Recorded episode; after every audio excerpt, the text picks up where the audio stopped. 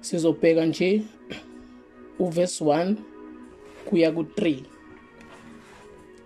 eh ngaphandle nje ngokuchitha isikhathi lifundeka kanje. Isihloko sithi izethembiso zokubuyiswa kukaJuda noIsrayeli.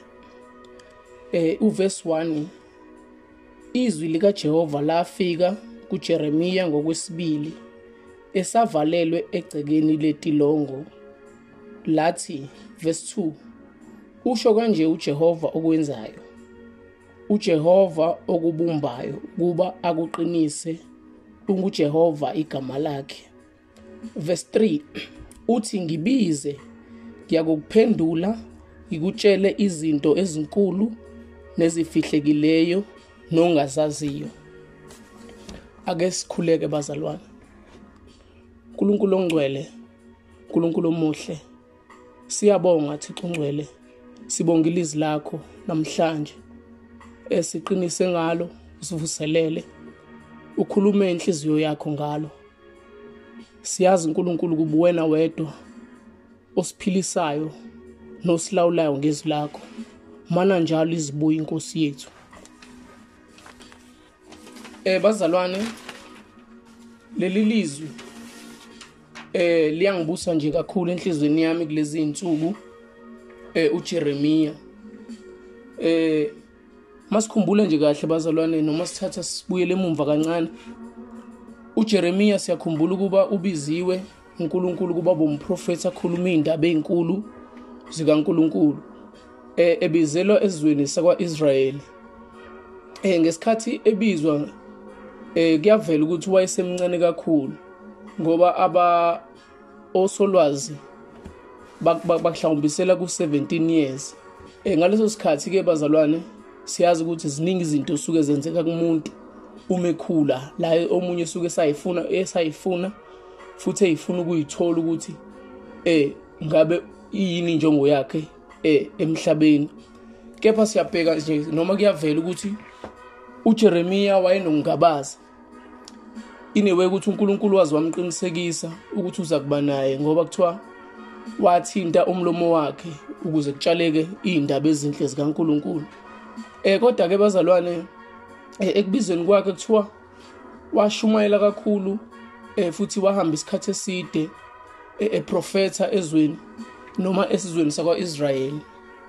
Eh indaba eyikhuluma kuthiwa wayemelene eh nababengayizi nababengayenzi intando kaNkuluNkulu.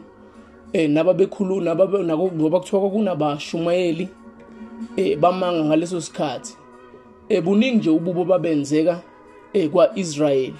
Inewe ukuthi bazalwane abasemagunyeni ngaleso sikhathi. Eh baphoqele ukuthi ngoba babengazithandi indaba ezayikhulunywa eh umprofeti uJeremia eh uJeremia wayithola ke esesetilengweni eh ngenxa yokuthi eh bamelene nezindaba ayikhulumayo eh kulelo tilongo ke bazalwane eh kuyavela ukuthi uNkulunkulu ufikile emvakashela eh uJeremia eh ezomqinisa. Eh namhlanje izwi engifuna silibheke bazalwane ile lizwi lesithathu.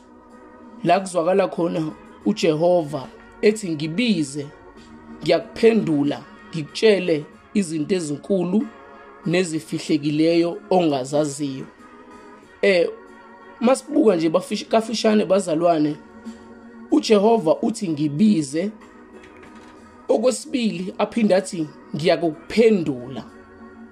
Eh athi ngikutshele izinto ezinkulu ezifihliweyo ongazaziyo. Siyazi ke bazalwane ukuthi eh kulesi sikhathi esiphila kusona singasho nje ukuthi sisejele bazalwane eh ngenxa yemigomo noma yembandela ebekiwe. Eh kodwa ngikho ke lapho lapho bazalwane la ngikhona wonke umuntu unejele lakhe.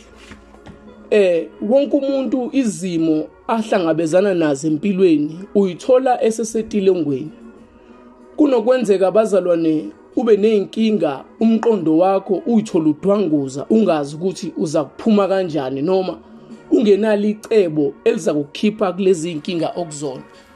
Eh bazalwane sifisa ama challenges amaningi emhlabeni kulesi sikhathi esibhekene naso. And unyaka esibhekene nawo bazalwane mubi kakhulu. Eh la sonke singazi ukuthi ingale lawo lisiphatheleni eh baningi bazalwane abantu abasetilongweni kunabantu bazalwane abasetilongweni ngeindlela ezihlukahlukene kepha namhlanje bazalwane ngifuna sikubheke kuna noma ngabe yiliphi itilongo wena ozaziyo ukuthi ubhekene nani. Kepha engifisa ukuqinisekisa namhlanje ukuthi eh uJehova uthi asimbize ngalezi ikhathi esibhekene nazo. Yena uyasiqinisekisa futhi ukuthi uza kusitshela lokho esingakwaziyo. Vele kwesinye isikhathi bazalwane la inkinga osuke ubhekene nayo usuke ungenalo ulwazi noma amacebo ukuthi uzophuma kanjani. Munye umuntu ongakwazi ukuthi akunikeze noma kwambulele lawo macebo uNkulunkulu. Kulesi sikhathi ke esibhekene naso bazalwane bekufunakala abantu abebezokumfuna uNkulunkulu eh bese bazalwane babeke bonke amathemba abo kuyena. Ngoba uNkulunkulu esimkhonzayo usithembisile bazalwane ukuthi angeke asiyekelele. Eh ilokho nje enginakho eh kafushane namhlanje ukuthi besika besiya kumbiza uNkulunkulu uyena uyakusiphendula. Eh aphinde futhi asitshele noma sinikeze amacebo. Siyazazi ke bazalwane ama challenges esibhekene nawo engathi ke bazalwane nathi eh besingalithatha leli lizwi lanamhlanje eh lihlale enhlizweni zethu sikhumbule ukuthi eh uNkulunkulu wethu osakhile yena osibumbe osibumbe sisasesiswini zaboma bethu wasazi. Eh kuyavela nalapha encwadini kaJeremiya 29 la ethi khona uJehova eh amacebo akhe mahle futhi awokusiphumelelisa eh uNkulunkulu akaze bazalwane asifise lokubi futhi uNkulunkulu akakaze bazalwane eh asiyekelele. Ubefisa nje thina ukuthi bazalwane sikhumbule ukuthi eh yena ngalesi sikhathi ukhona futhi uwilling ukuthi asikhiphe kulama kulama ketanga esibhekene nawo. Eh sengizokhuleka ke eh kafushane bazalwane eh bengifisa abantu noma ukukhuleka nabantu ebezombiza uNkulunkulu manje bacele kuye ukuba abambulele noma bacele kuye ukuba abatakule.